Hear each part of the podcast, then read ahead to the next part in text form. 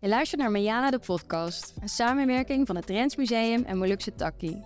In deze podcastserie gaan wij, Uriel Matelemual en Rio Lekatompessi, in gesprek met zes Molukse jongeren van de werkgroep, die samen met het Drents Museum de tentoonstelling Mayala hebben gemaakt. De tentoonstelling Mayala, Maleis voor Schitteren, vertelt aan de hand van 100 voorwerpen, video's, foto's en spoken word over de pijn en het verdriet, maar ook over de ambities en idealen van de Molukse gemeenschap. Het belicht het gevoelige verleden, maar juist ook de passie en veerkracht. De tentoonstelling is te zien tot en met 1 oktober 2023. Wil je het object ook bekijken? Check dan de video op het YouTube-kanaal van Molukse Takkie. We kijken nu naar het buideltje, bijbeltje en metadondoosje van Ateng Marijanan. Molukse jongeren groeien op in Nederland met het verdriet van hun ouders. Tegelijk komen ze zelf moeilijk aan werk en maken kennis met de verleidelijke wereld van seks, drugs en rock'n'roll. Eind jaren 70 is in bijna ieder Moluks gezin in Drenthe wel iemand verslaafd aan heroïne. De leden van het Moluks scholingscollectief in Assen kraken een pand waar ze Molukse drugsverslaafden cold turkey laten afkicken. Tegelijk volgen de verslaafden politieke scholingsprogramma's en gaan aan het werk. Hun familie wordt intensief betrokken bij het afkikproces. Een succesvolle aanpak die Stichting Masjoen voortzet. Atting Marinjanan is een van de vele drugsverslaafden. Hij leeft op straat en is een bekende straatmuzikant in Assen. In dit buideltje bewaart hij zijn geld, in het doosje zijn methadonpillen, uit de Bijbel put hij kracht. We zitten hier vandaag aan tafel met Rachelle Houtman uit de werkgroep van Mejale. Welkom. Dankjewel. Dit uh, object, dat, uh, dat staat je na aan het hart, hè? Absoluut. Bijzonders voor jou. Zou je daar wat over kunnen vertellen? Wat, uh, wat jouw verbindenis hiermee is? Um, ja, eigenlijk kan ik het beter meer over de persoon hebben. Hm. Ja, de, het, het buideltasje betekende heel veel voor hem, denk ik. Um, natuurlijk speelde hij altijd op straat en uh, vond hij dat ook echt heel fijn. En was het voor hem denk ik een uitlaatklep om misschien ook bepaald verdriet te verwerken. Hij was gewoon echt heel muzikaal en echt een performer al vanaf dat hij jong was. En dat kwam echt naar voren, want iedereen kende hem in Assen vrijwel. En wie is hij voor jou? Wie hij voor mij is. Um, hij is jouw oom in eerste plaats. Ja. Hij heeft mij toch best wel geïnspireerd eigenlijk als mens. Dat schiet ik een beetje voor. Maar um, nou ja, ik vond hem een bijzonder mens. Um, ondanks zijn verslaving merkte je dat hij wel altijd zijn hart op de juiste plek had en uh, heel sociaal was. Uh, heel veel humor en oprecht, heel integer. Heel integer mens en denk ook gevoelig. Waardoor hij uh, juist in die verleiding eh, kwam en moeite had met alles wat er speelde op dat moment. Um, ja, hij heeft mij gewoon geïnspireerd omdat hij toch heel sterk bleef, ondanks alles.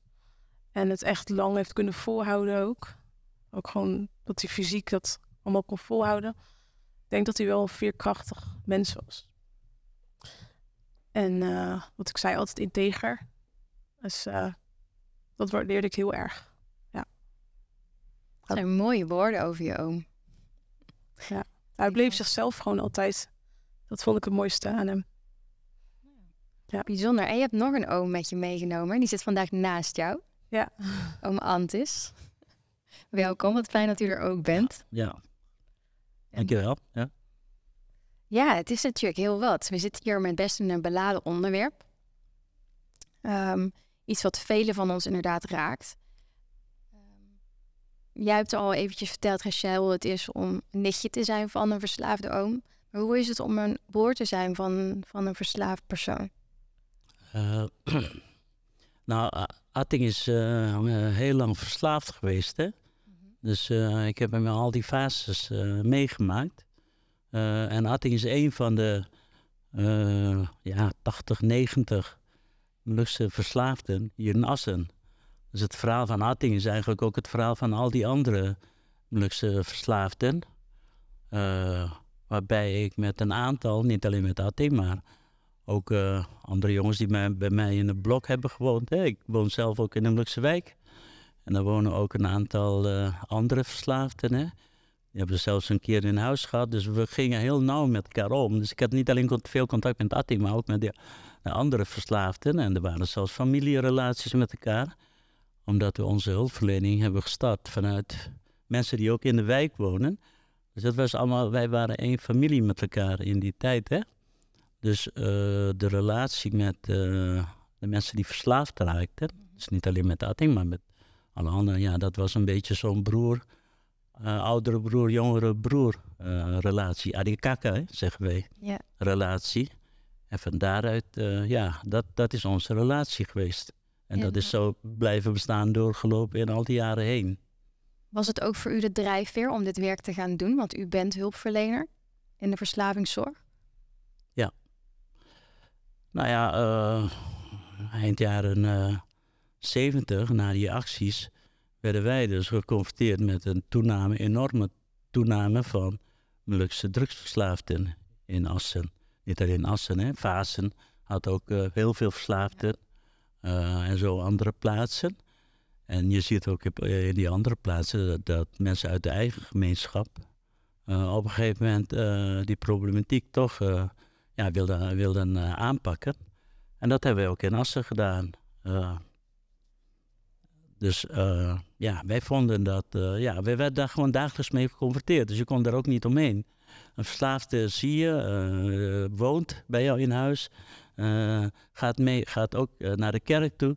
Want het, het frappante natuurlijk, bijzondere van de Molukse verslaafdengroep, is dat ze nog steeds, steeds onderdeel hebben uitgemaakt van de gemeenschap. Hoe komt dat zo, dat daar zo'n verschil in zit met de gemiddelde Nederlandse verslaafde, die toch vaak vervreemd van zijn gemeenschap, zijn familie, ja. veel op straat belandt. Ja, nou ja, dat heeft te maken, denk ik, met uh, ja, onze sociale, uh, uh, ja, onze sociaal-culturele band met elkaar. We zijn natuurlijk opgegroeid als, als, als gemeenschap, als, als collectieve groep.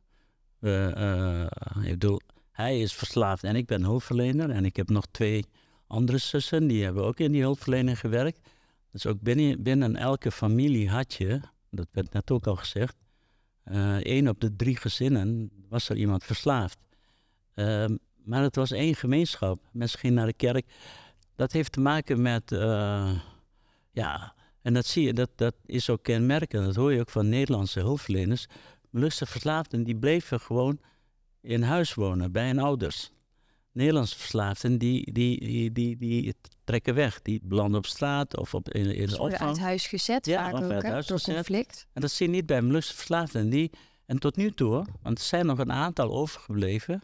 Die wonen nog steeds in de wijk. Die gaan nog steeds naar de kerk. Ik ken één uh, verslaafde vrouw van Attingsen leeftijd. Ja, die, uh, die zit in het, uh, in het hoe noem je dat? Niet het koor, maar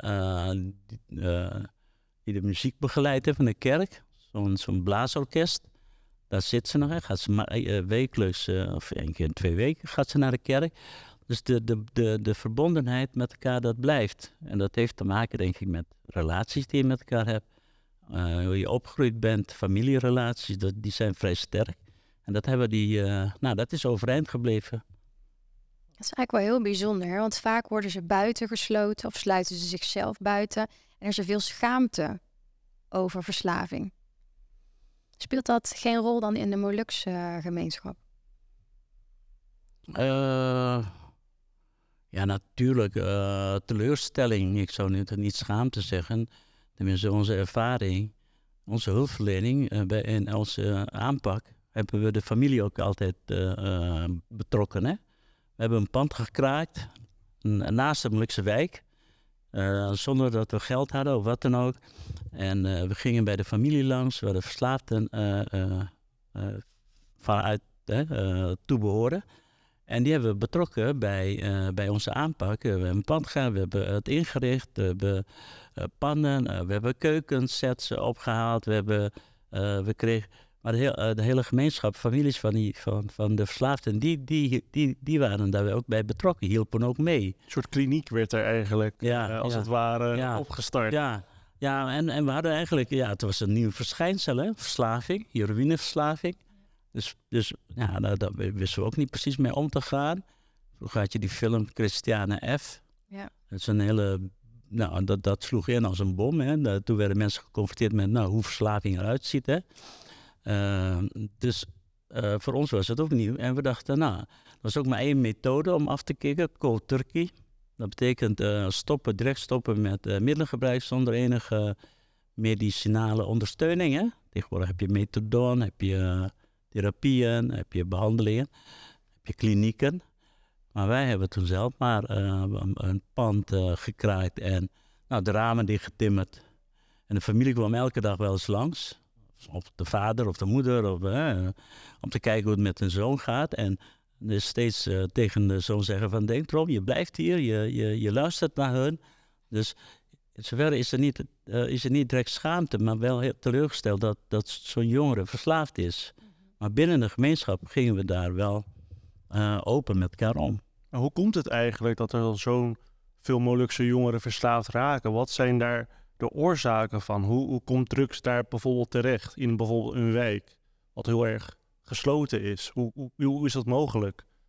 Nou, begin met de jaren 70 heb je de tienertour. Uh, uh, NS had zo'n, uh, zo'n noem je zoiets, zo'n... Strippenkaart? Ja, dan, dan kon je acht dagen of zoiets op, met, met tienertour gaan. En dat, dat was voor een hele goedkope, voor geen bedrag. En we gingen daarmee uh, in de zomer altijd, uh, zochten elkaar op in al die wijken.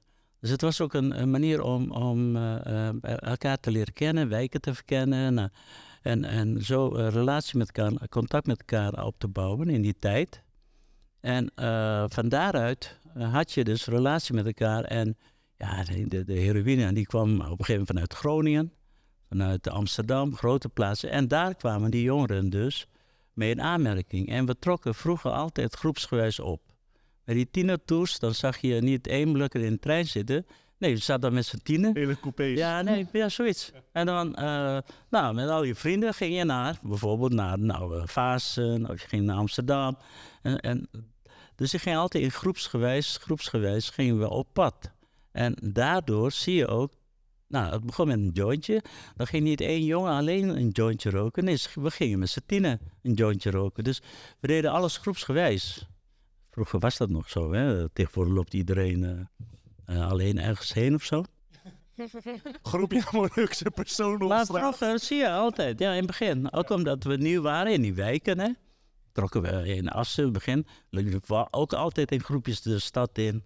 En als er ruzie waren, uh, dan, nou, dan het ook in groepsgewijs ruzie. Maar dat is ook met die tienertoeren. Er waren soms uh, conflicten met, met bepaalde groepen in bepaalde plaatsen. Dan, dan, gingen we daar met z'n allen heen. En dan had je daar uh, 50, 100 Molukse jongeren uit verschillende plaatsen. En dan is het knokken met, in, in, in, in, in, uh, in een horeca-gelegenheid. Maar zo ging dat, groepsgewijs. Je ging ook met z'n allen en het was ook uh, groepsgedrag, hè, wat vertoond werd. Iedereen reisde met zo'n KLM-koffertje.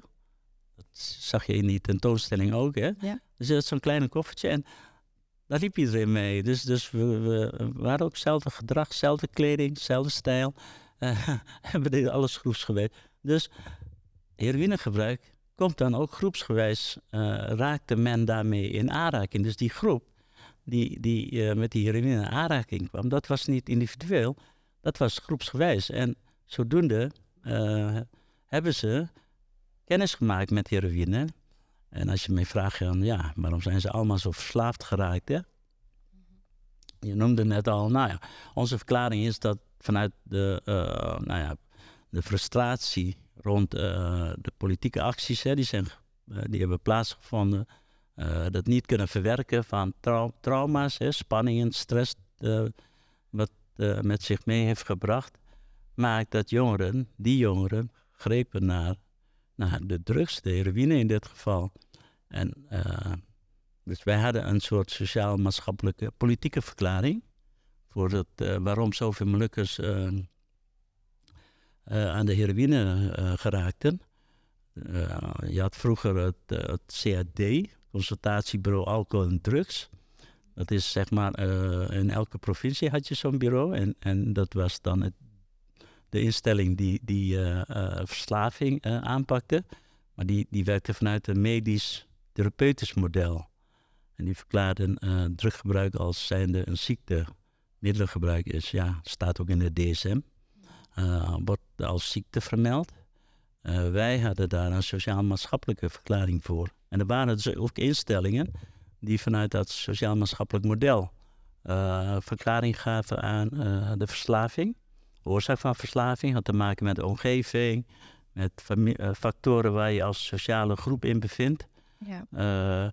En dat was de verklaring. En de aanpak is dan ook, nou, werken ook aan de positie van, verbeter de positie van uh, die, sociaal, die sociaal-maatschappelijke positie van uh, de verslaafden zelf. Ja, want jullie hebben een heel ander programma samengesteld, hè? Ja, maar we waren nogmaals, we waren ook onderdeel van de, de, de, sociaal de, de, de maatschappelijke benadering van verslaving. En er waren meerdere instellingen hier in Nederland die uh, die benadering toepasten.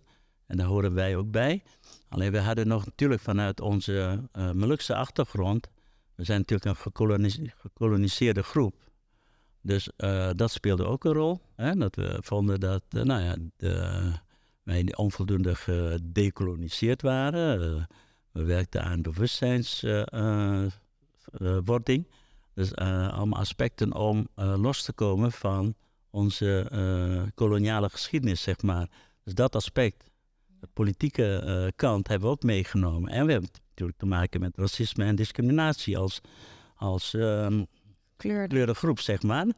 Dus dat zijn allemaal dingen waar we ons, uh, waar, die we meenamen in onze aanpak, benadering.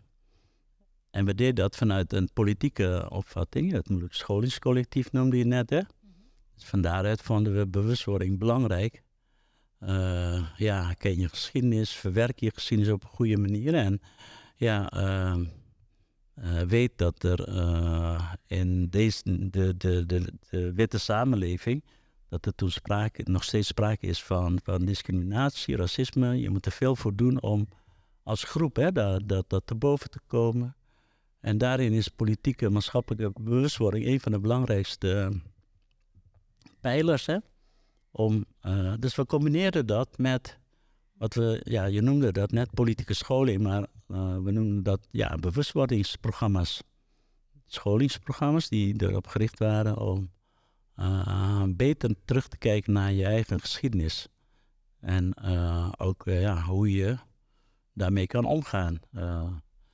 en volgens ons was een van de redenen van middelengebruik toch dat ja, heel veel jongeren eigenlijk, ja, je zou bijna zeggen, ja, hun, hun, eigen positie niet goed konden. Ja, ze hadden eigenlijk geen plek in deze samenleving, hè? Ja. Het is eigenlijk wat ik u hoor zeggen, een soort traumatherapie. Niet op individueel niveau. Nee, maar dan op collectief niveau, ja. inderdaad. Klopt. Vanuit als collectief, maatschappelijk. ja, is dat gebeurd? Overtuiging. Hoe, hoe kwam jij uh, bij dit verhaal, Rachel? Dit speelt natuurlijk in je familie. En uh, dan hoor ik uh, je oom nu erover praten. En ik leer er heel veel nu al van. Wat, wat neem jij mee uit, uit dit stukje ook van jouw geschiedenis? Uit het stuk van wat hij net vertelde? Ja, of over hoe, die, hoe dat is gegaan? Ja, ik, ik heb veel ook gewoon in de loop der jaren, gewoon tijdens gedurende mijn levensjaren meegekregen. Eigenlijk um, ontdek ik nu waar het allemaal vandaan komt. Nu ik me erin verdiep, begrijp ik inderdaad, ook nu hij zo uitlegt, dat weet ik al dat stukje. Dat heb ik dan ook recentelijk eigenlijk pas ontdekt, hoe dat allemaal in elkaar zit, hoe dat allemaal is gegaan.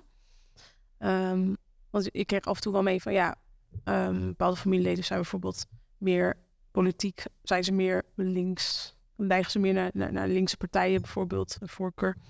Um, uh, hoe ze keken naar de RMS. Ja, hoe ze, hoe ze gewoon naar veel dingen keken, begrijp ik nu dus beter. Hoe dat zich allemaal heeft ontwikkeld. En ja, dat heeft natuurlijk ook allemaal weer invloed gehad op hoe ik ben gaan denken en hoe ik in het leven sta. Welke invloed heeft het dan op jou gehad? Um, ja, dat je wat liberaler bent gaan denken. Dat je gewoon vrijer bent. Dat je, je hebt geleerd van jongs af aan dat je gewoon individueel mag nadenken voor jezelf. En uh, zelf een mening kan vormen. Dus ik ben minder beïnvloed door de groepscultuur. Ja. Um, ook door te reflecteren, dus meer op je eigen gedrag, op je eigen trauma's. Ik denk dat dat allemaal ertoe heeft geleid. Ja. Ja, want we hadden een heel mooi voorgesprek samen, waarin we ook wel een beetje hebben gedeeld over, over onze eigen stukken, onze eigen ontwikkeling, persoonlijke ontwikkeling, trauma, eh, wat, eh, ja, wat we toch allebei voelen, dat we toch meedragen van andere, andere generaties. Herken je dan iets in het verhaal van je oom? Je zegt van, oh, maar dat was toen eigenlijk al aan de gang. Dat ze eigenlijk al zagen van, wij, wij hebben- nemen trauma met ons mee. En nu wij, derde generatie, mogen daar toch ook nog steeds mee aan de slag. Ja, dat realiseer ik me zeker de laatste jaren een stuk meer. Dat niemand er gewoon aan is, aan de dans is ontsprongen, zeg maar. Dus op elk individu heeft het gewoon weer invloed. Derde generatie, vierde generatie. Dat gaat gewoon door. Dus eh, ik denk dat het goed is voor elke iedereen met een Molukse achtergrond om daar naar te kijken. Weet je, die onderdeels van dat verleden. Denk daarover na. Hoeveel impact het op jou heeft gehad in je dagelijks leven, in je dagelijkse handelingen. Hoe het gewoon op je onderbewustzijn invloed heeft zonder dat je het doorhebt. En dat is juist het allermoeilijkste. Gewoon jezelf in de spiegel aankijken en eh, eh, ja, dat beseffen. Dat is echt, eh, dat is echt een eh, heel diep leerproces. Ja, dat is Ja. absoluut een diep leerproces. Daar, eh, daar mogen we allemaal elke keer weer een jasje voor uitdoen. En ik kom Ja. ook steeds dingen tegen. Ik, ik studeer therapie en ik, ik vind het fascinerend en soms heel pijnlijk om dingen en stukken in mezelf te ontdekken. Ja. Zaten- zitten hier in Drenthe en ik kreeg een appje van mijn moeder en die is Nederlands. En ehm, van mijn Wieringa-kant schijnt hier dus een portret te hangen van mijn over-overgrootvader. In het museum? Ja, Wauw. Wist ik ook niet tot vandaag. Dus dat, dat is heel grappig. Uh, maar mijn uh, Nederlandse opa was bijvoorbeeld... Dat is dus de opa van mijn Nederlandse opa. Uh, ja, die heeft best wel een racistische inslag. Die was helemaal niet blij dat mijn moeder met mijn vader ging trouwen. Uh, absoluut niet. Ja, wel heftig. En dat heeft ook toch wel weer doorgewerkt. Dat ja, racisme ja. Uh, op, tot en met op ons. Ja, dat is voor jou dan ook echt een soort clash, interne ja. conflict misschien wel. Heel erg intern. Onrust ook dat, dat je dat hebt meegenomen. Ja, en enerzijds heb je van alles wat. Nederlands, ja. een Molux conflict. Ik heb ook twee verslaafde ooms. Ja. Ik ken dat. Ik weet hoe dat eruit ziet waar wij naar kijken. En hoe dat voelt. En, ja. en wat dat is. En, en we hadden het er ook al even over. Wat hebben we ervan geleerd? Van onze verslaafde ooms. Ja. En wij zijn er allebei heel verstandig van geworden in eerste instantie. Ja, klopt. Ja. Voor ons was drugs zichtbaar. Wat, ja. wat, wat, hoe werd jij daarin verstandig? Ja, inderdaad. Dat je toch meer bedachtzaam bent. Dat je uh, ja, wel eerder nadenkt over waar je aan begint. Weet je wel? Dat je niet zomaar uh, iets zoiets neemt. Of ook met alcohol en zo. Met, gewoon met verslavende middelen. Dat je daar wel uh, waakzaam voor bent. Omdat je denkt, oh, misschien ben ik ook wel verslavingsgevoelig. Weet je? je zit in je DNA of zo. Of, uh... Ja, precies wat jij zegt is echt ook de reden waarom ik nog nooit uh, softdrugs heb gebruikt. Nee. Of drugs in general. Nee. Alleen vanwege die angst dat ik er verslaafd voor kan worden. Ja. ja. En dat is gewoon heel erg onderbewust. Gewoon ja. dat ik gewoon weet dat het in me zit. Ja. En daarom uh, neem ik daar afstand van. Ja. Ja, zo ja. precies de reden waarom ik dat toen mijn vriendinnen heel vrij waren in het experimenteren, uh, dat niet heb gedaan op Nee? jonge Ja. leeftijd. Ja, Nee, Voor mij hetzelfde. hè? ik vond Nou ja, het wij te hebben wel geëxperimenteerd soms Ja. met middelen, maar ik denk eh, dat heroïne een erg sterk verslavend middel is. Als Absoluut. je ecstasy gebruikt of cocaïne, ja. Dat zijn toch eh, meer genotsmiddelen, hè? Maar cocaïne is ook wel behoorlijk uh, Ja, is ook verslavend. verslavend. Maar eh, met heroïne, Dan hoef je eigenlijk maar één shot te hebben en dan ben je er ook. ja. ja, daar heb je helemaal geen controle over. Nee. En het afkicken van cocaïne is gewoon stoppen met gebruik. Maar als stoppen met heroïnegebruik, ja, dan krijg je allerlei uh, uh, verschijnselen hè, Wat dat, gebeurt er dan met je? met je lichaam. Ja, ontwenningsverschijnselen. En dat kun je alleen bestrijden door uh, methadon te gebruiken en daarmee af te bouwen. Ja, ik heb zelf ook in de verslavingszorg gewerkt. Later, hè, dan als recruteringswerker. Maar uh, ja, de verslaving van heroïne is toch een andere verslaving dan uh, cocaïne of andere ja, drugs die als uppers, hè, noemen ze dat. Genot, genot, meer genot geven. En heroïne is een downer. Maak je, ja, dus, dus de werking van al die drugs die zijn best wel verschillend natuurlijk. En de ene is sterk verslavender dan de andere. En daarnaast van de tien kinderen, want we zijn met z'n tienen, is er eentje verslaafd geraakt. En dat zie je bij meer gezinnen. Dus het is ook weer persoons, uh, persoonsgebonden. Waarom raakt de ene wel verslaafd en de ander niet? Zijn er ook meerdere ja. die er dan mee geëxperimenteerd hebben? In de... Ja, er zijn ook Maar zie je ook veel die geëxperimenteerd hebben, maar wel op tijd stopten. Ja, die zijn er, die zijn er ook. Ja, zijn er ook. Bij mijn familie ook. Bij ons is het precies het middenstuk. Mijn vader is met 12 en uh, nummer 5 tot en met 7 was echt de tijd van de heroïne. En toen kwam het op. Ik kom uit Venlo, dus daar kwam het direct de grens over. Was een van de eerste punten waar het werd verspreid. Een van de eerste kartels waren, waren zij, de Molukkers in Venlo, uh, die de, de, heroïne zelf gingen verkopen. En mijn vader zat daar precies middenin. Hij is nummer 6. Alleen hij is daar wel op tijd uitgekomen. En de andere twee, uh, ze zijn er gelukkig nog. En ik ben benieuwd hoe die, hoe die verslaving er nu uitziet. Want wij hebben het over een groep die in de jaren, eind jaren 70 ja. verslaafd zijn. En die zijn nog steeds, uh, lopen nog, hebben nog steeds methadonprogramma's. Mm -hmm. Maar ik zie geen nieuwe verslaafden hier, uh, tenminste in Assen en Bovensmilde rondlopen. Uh, dus ik weet niet in hoeverre die verslaving er nu, er nu uitziet. Heroïneverslaving. Ja, niet alleen heroïne, maar ook cocaïneverslaving. Ja, cocaïne. Mensen die cocaïne gebruiken, doen dat vaak individueel. Hè? Heroïne is uh, iets wat ze gezamenlijk wel eens gebruiken. En die, die zijn ook bekend hè, bij de verslavingszorg. Uh, maar ik weet niet hoe... Nou, ik denk dat bij de derde generatie toch ook wel weer... hoorde ik her en der zeg maar om me heen dan wel... dat er wel uh, ook verslaafde ja, ontstonden, of hoe, hoe je dat zegt. Die, die waren er wel. Maar misschien zijn ze inmiddels gestopt dat ze op een gegeven moment... Uh, zou niet weten. Weer, wat ouder werden en... Ken je, kennen jullie mensen die, die, die want jij zei, je hebt het over je ooms, hè? Ja, ik heb het over mijn ooms, tweede generatie. Maar derde generatie, vierde generaties? Heb. Niet specifiek heroïne. Nee, niet heroïne dan, maar, maar ja. wat je zegt, meer die genotsmiddelen eigenlijk. Ja, dat, wel, ja, wel een stuk minder. Dat is niet voor een feestje of zo, dat soort dingen. Maar dat is nog geen. Ja, nee, ja, dat is zie niet ik echt. niet als een verslaving. Nee, daarom. Maar wel in de wijken. Dat, dat, ik heb het wel eerder wel eens gehoord, maar de laatste jaren minder. Ja, er wordt wel Ja, veel. tien geleden of zo. Maar er wordt wel veel gebloot. Ik zie veel derde generaties die blowen. Mijn zoon die, eh, die bloot alle dagen. Ja, dus er wordt wel veel gebloot. Ja. En dat is ook een verslaving, omdat, om- omdat, omdat eh, ja, de wiet steeds sterker wordt. Ja. En mensen daar verslaafd aan raken. En ik kan zeggen, die mensen die zijn gewoon dagelijks verslaafd aan eh, wiet, maar niet aan, aan de harddrugs. Dat is een softdrugs, hè, nog steeds eh, eh, wiet. En, en eh, ja, maar echt harddrugverslaving, ik weet het niet. Dat is, dat is denk ik wel echt afgenomen, ja, sindsdien. Maar meer die pilletjes en eh, ballonnen.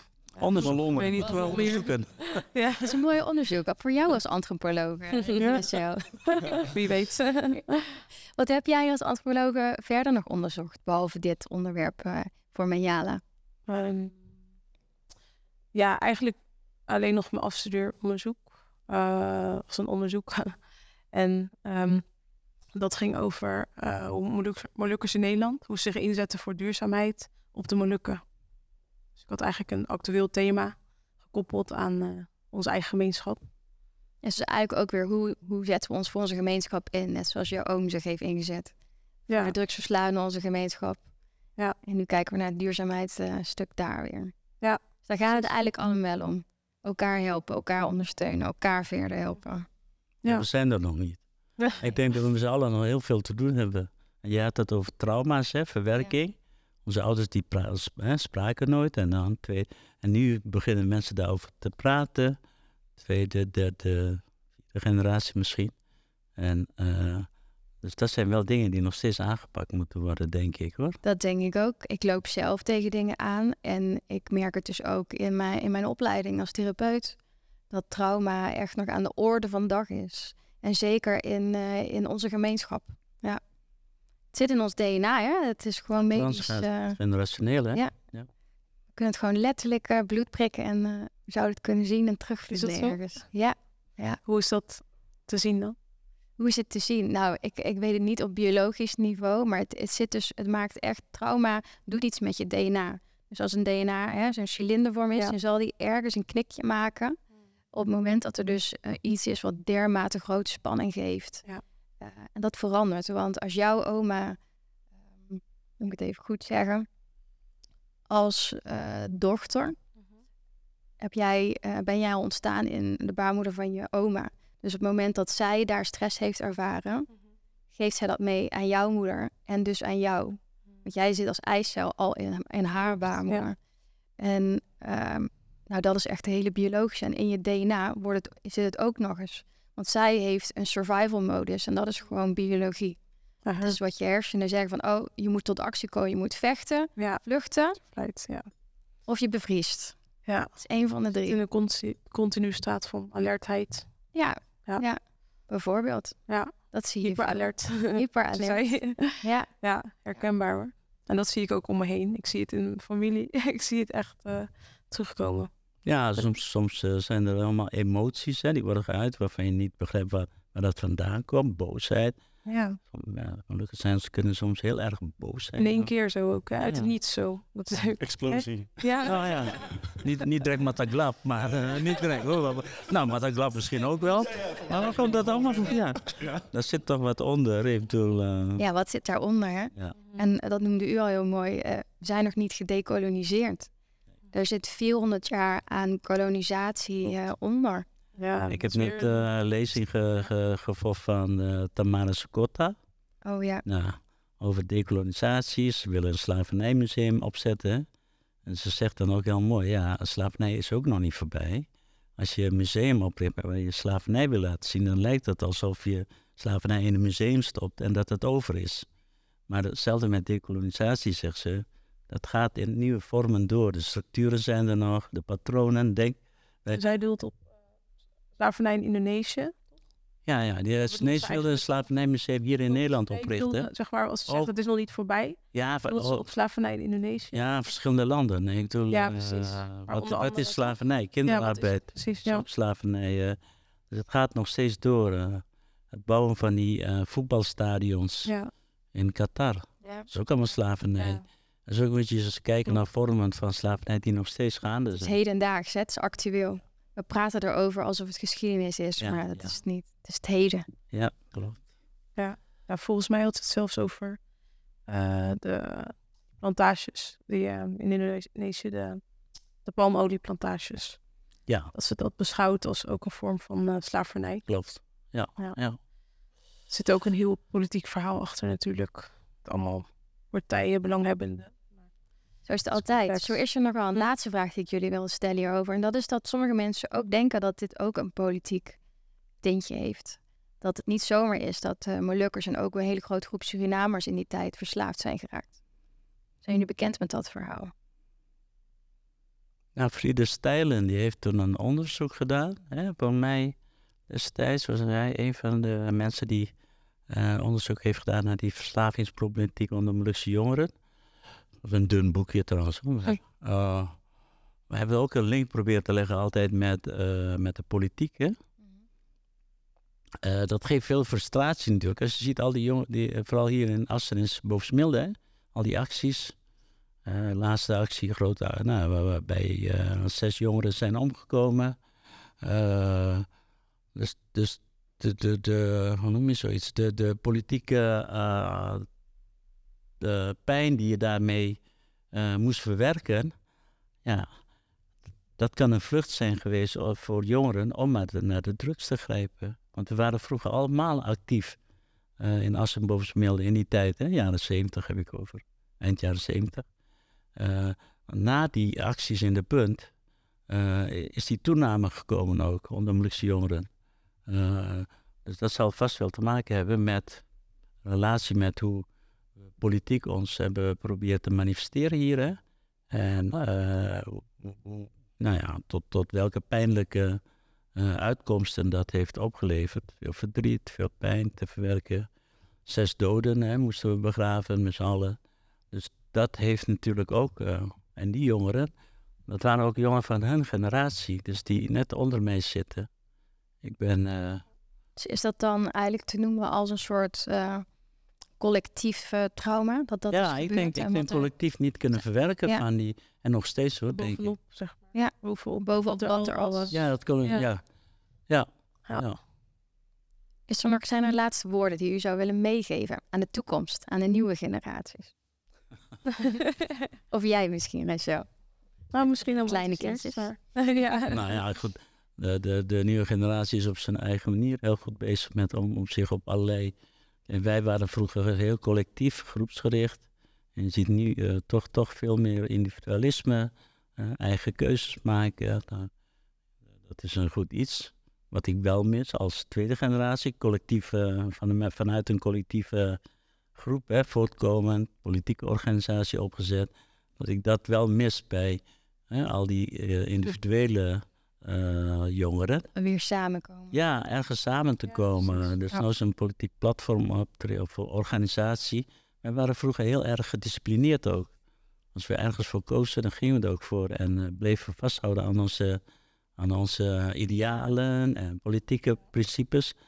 Ehm, nou ja, en ik ben heel erg eh, politiek geori- georiënteerd, dat zei je net al.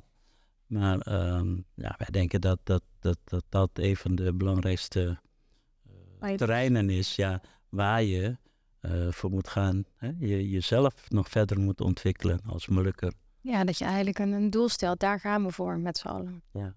En, en de, de- je ziet toch vaak die verdeeldheid, hè? De, de plannen om een, eh, een nationale al- herdenkingen op te zetten van Nathalie.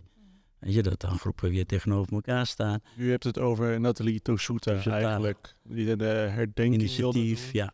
Met die excuses van Klopt. Mark Rutte op Klopt, 7 klopt. oktober in tweede- Ja. 2021. En, en het maakt niet uit hoe je daarover denkt, maar het feit is wel dat we, elkaar, dat we niet gezamenlijk bij elkaar kunnen komen om daar toch verder uit- om daar uit te komen.